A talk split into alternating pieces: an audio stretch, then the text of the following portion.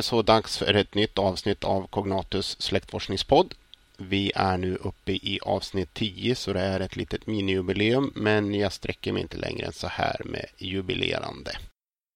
Dagens avsnitt ska vi ägna åt att redovisa den tävling som var i förra avsnittet och vi ska även få höra en recension av Peter Sjölunds bok Släktforska med DNA. Det är Magnus Säljö som har varit vänlig nog att recensera boken. Därefter blir det en liten recension av en mjukvara vid namn Transcript. Transcript är ett eh, program som gör tillvaron lite enklare om man transkriberar texter, vilket säkert ganska många gör i sin släktforskning. Men innan vi rullar igång med de programpunkterna tänkte jag ta upp ett par saker, lite smått och gott, som fastnat på min näthinna sen sist. Till att börja med kan vi konstatera att föreningen Svenska genealogiska samfundet är på väg att upplösas.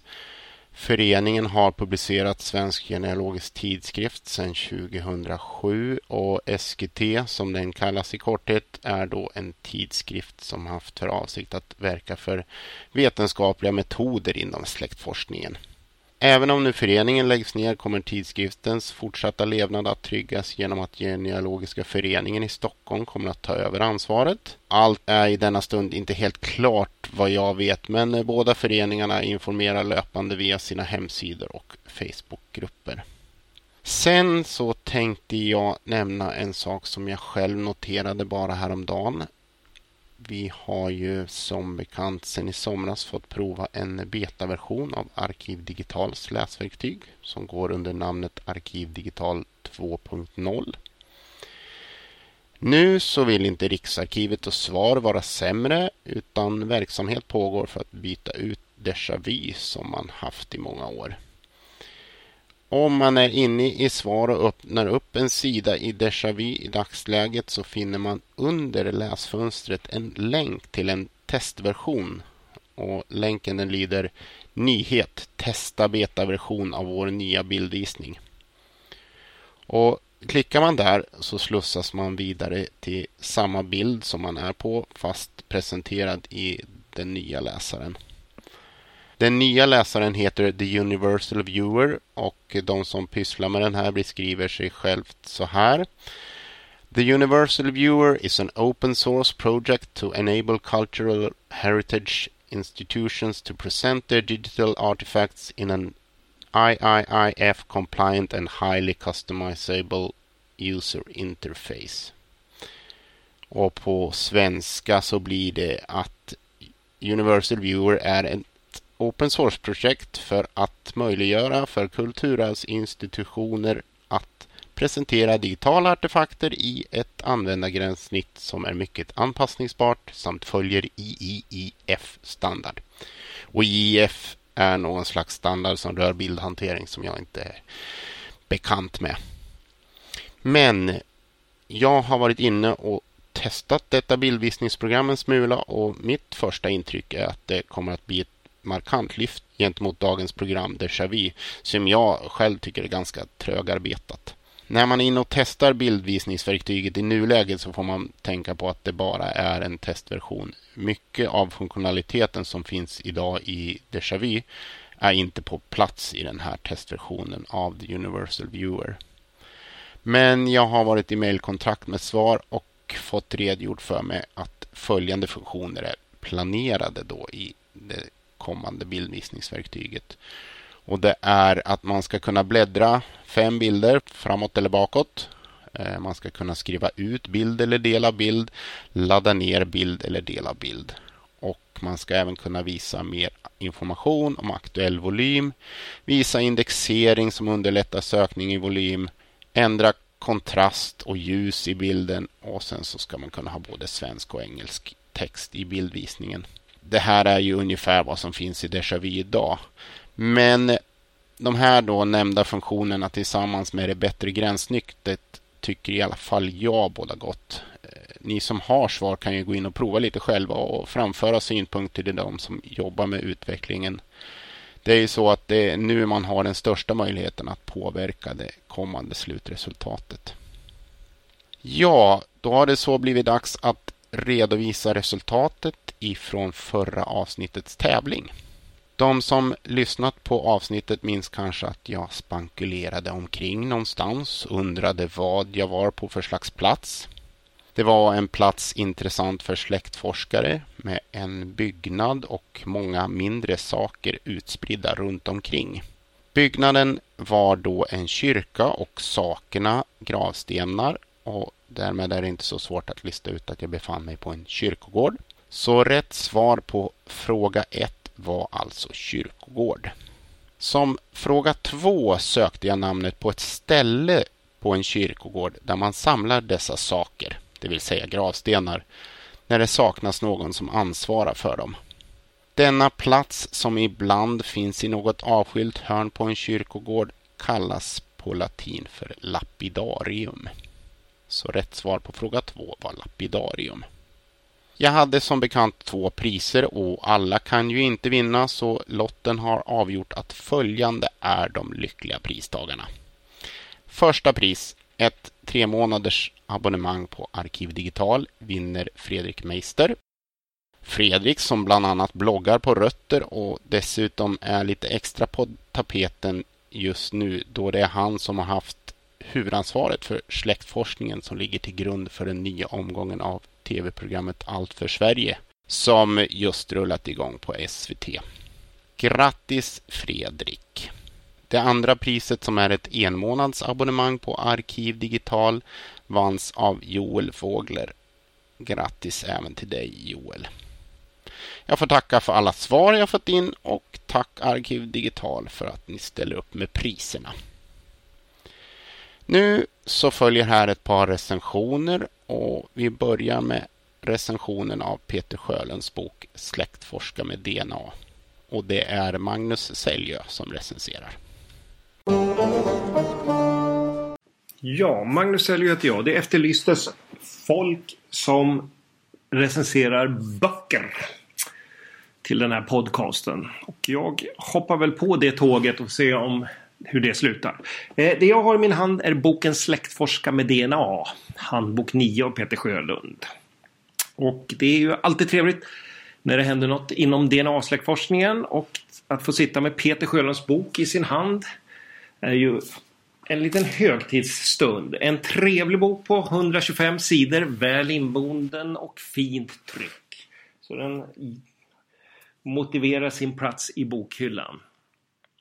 Eh, många känner säkert till Peter. Han är en flitig föreläsare och väldigt duktig och pedagogisk.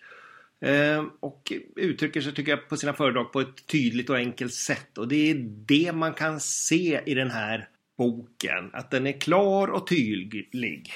Och själv så eh, positionerar han då boken med målgrupp nybörjare eller avancerade nybörjare. Bokens upplägg är att vi börjar med DNA, hur det fungerar, grunderna. Och även ner på den nivån att man får lära sig hur man hos FTDNA registrerar sig och hur man tar provet.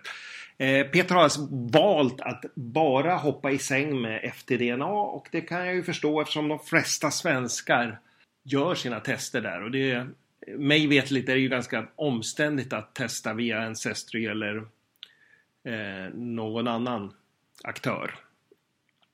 Eh, efter själva grund, grunden så tas fyra olika scenarier upp och det är att identifiera okänd fader, hitta nya släktingar, eh, verifiera din pappersforskning och sen kartlägg släktens väg från Afrika. Och det är också tycker jag ett väldigt pedagogiskt drag för som med all släktforskning så är det ju bra att ha ett mål och eh, med DNA-släktforskningen så är det väldigt, väldigt enkelt att man ramlar in i något, jag ska inte säga tröstlöst, men att man sitter där med alla sina träffar och det ramlar in nya träffar och man får nya DNA-släktingar.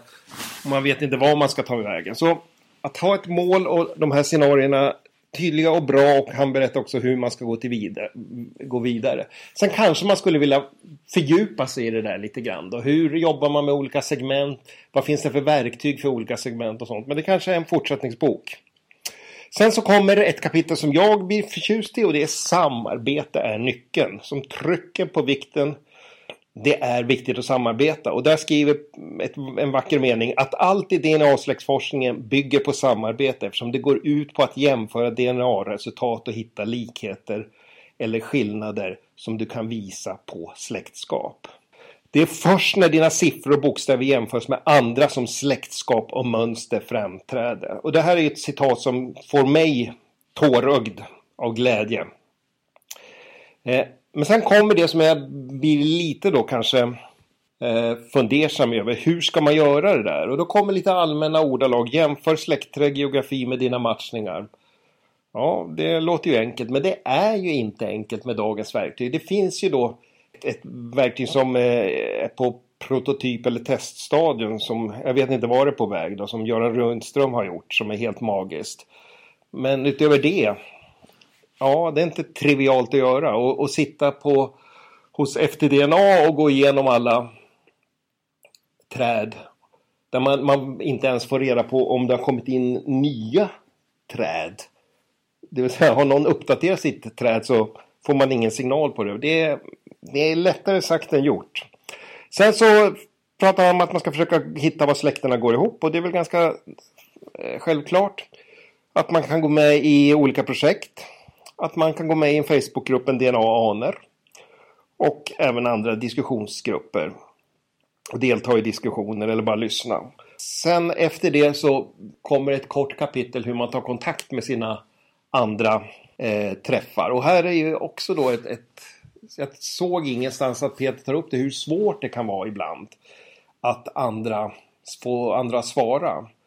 Och där finns det en eh, Krista hos Ancestry har, eh, haft, har en liten videoblogg som jag tycker tar upp aspekter som jag saknar hos Peter. Eller, men det kanske är mer amerikanskt eller inte. Men hon pratar mycket om att många har helt annan agenda än att det är DNA-släktforskning.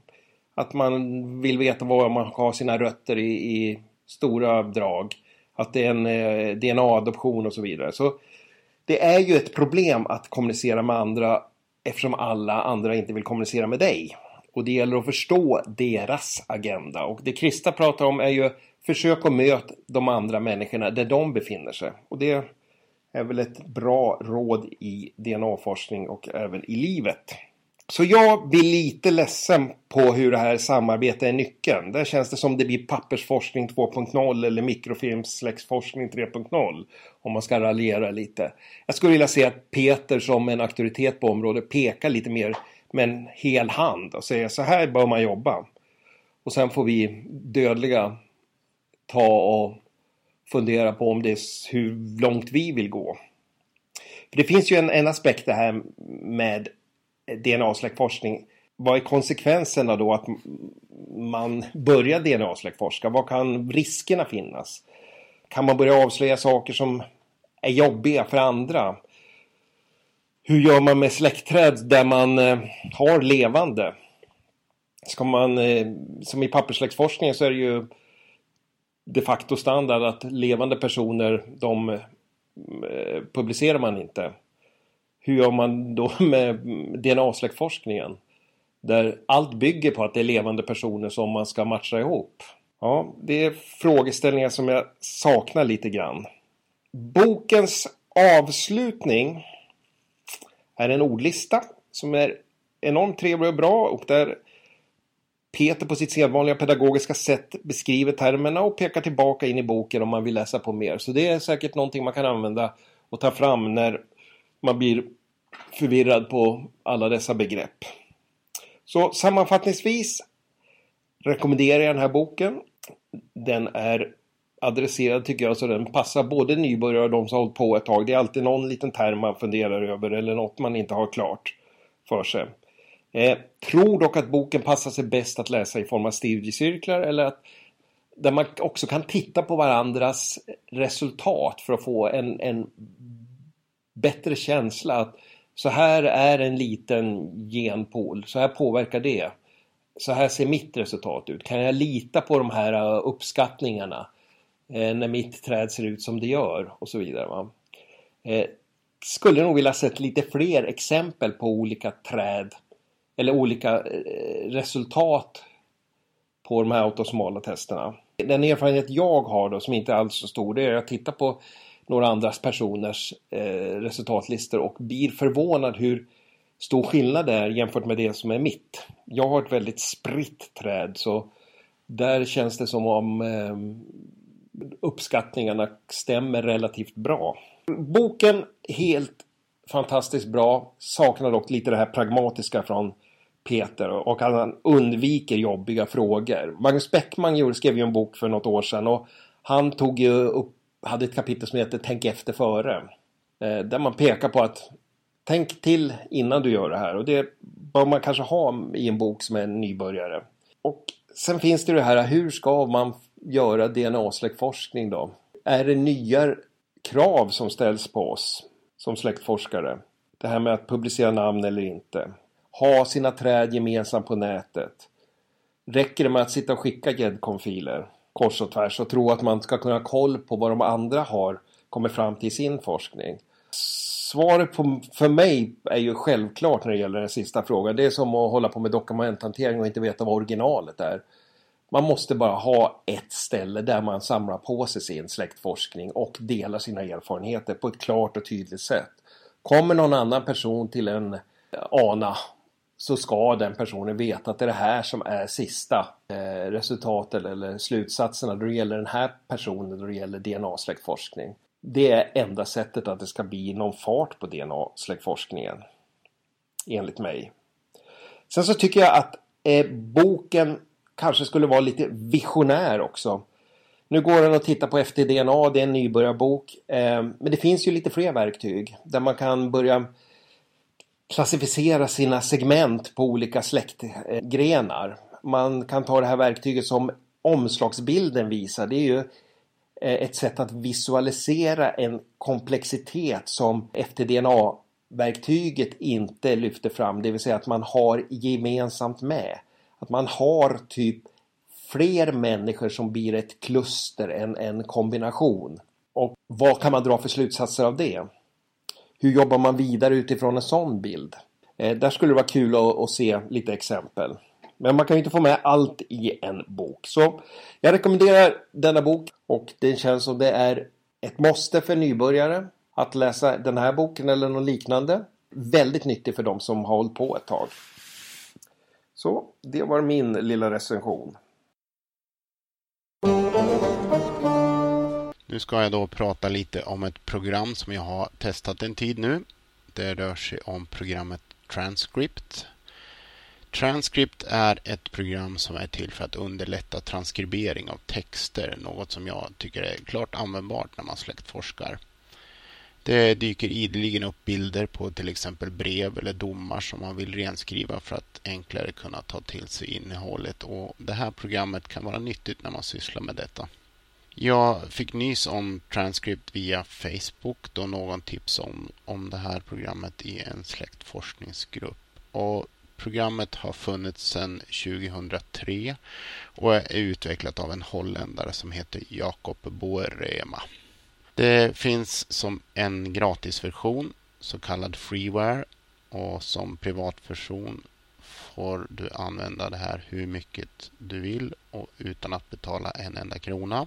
Om man väljer att betala licensavgiften som är 15 euro, vilket är ungefär 150 kronor, så får man tillgång till lite fler funktioner. Dessa tänkte jag gå in lite grann på senare i recensionen.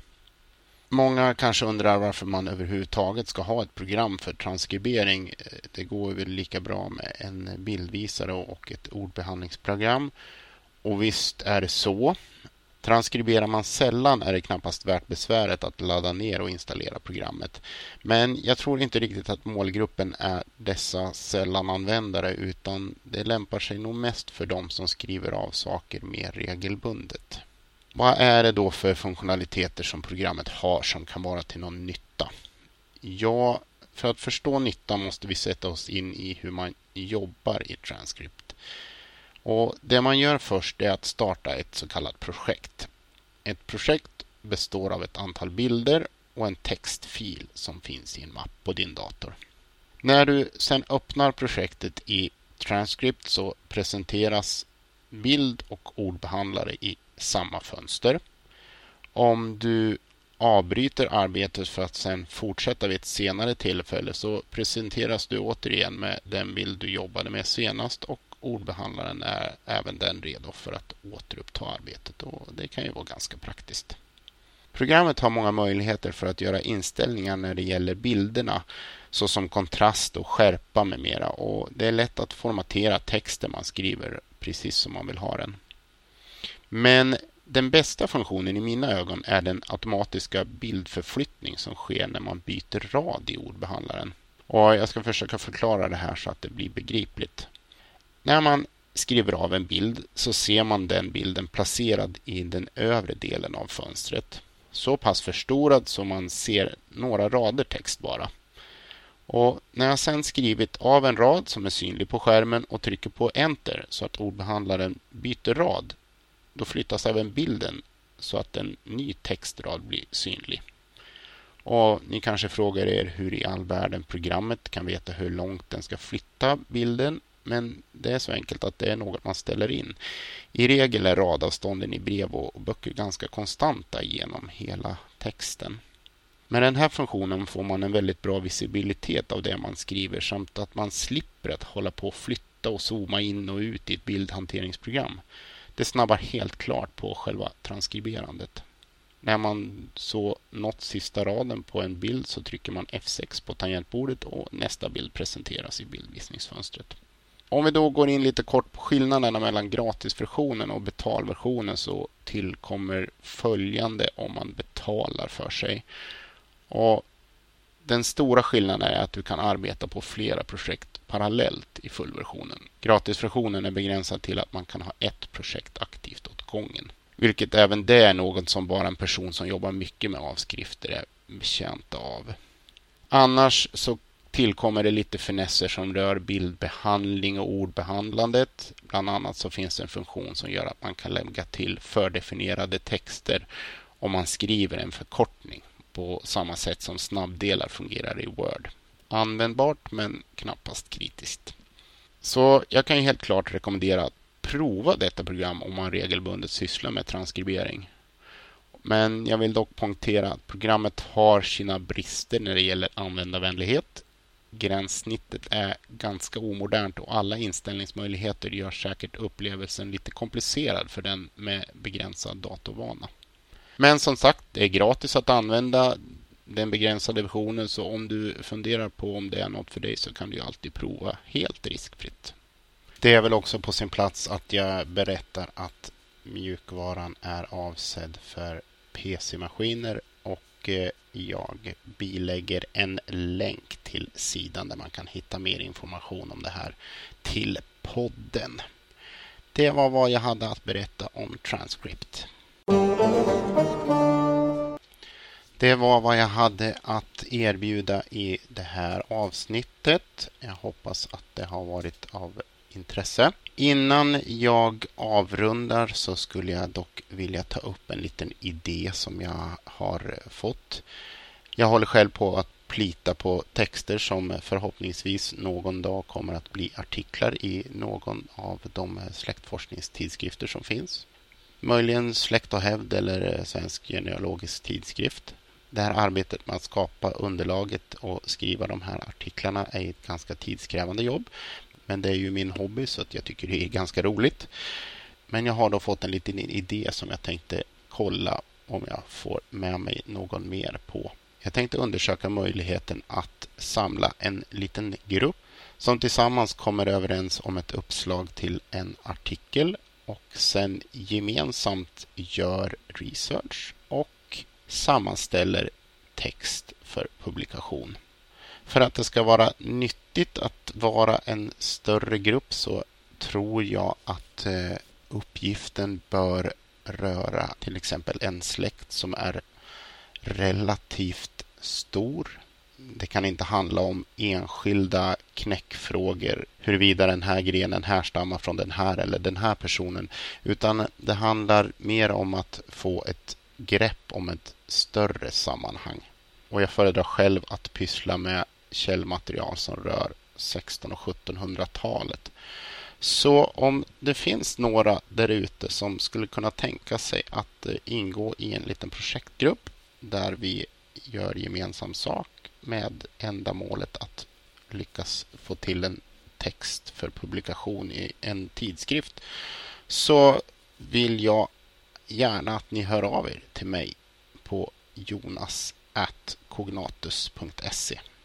Med den lilla galna idén så avslutar jag då det här, det tionde avsnittet av Cognatus släktforskningspodd.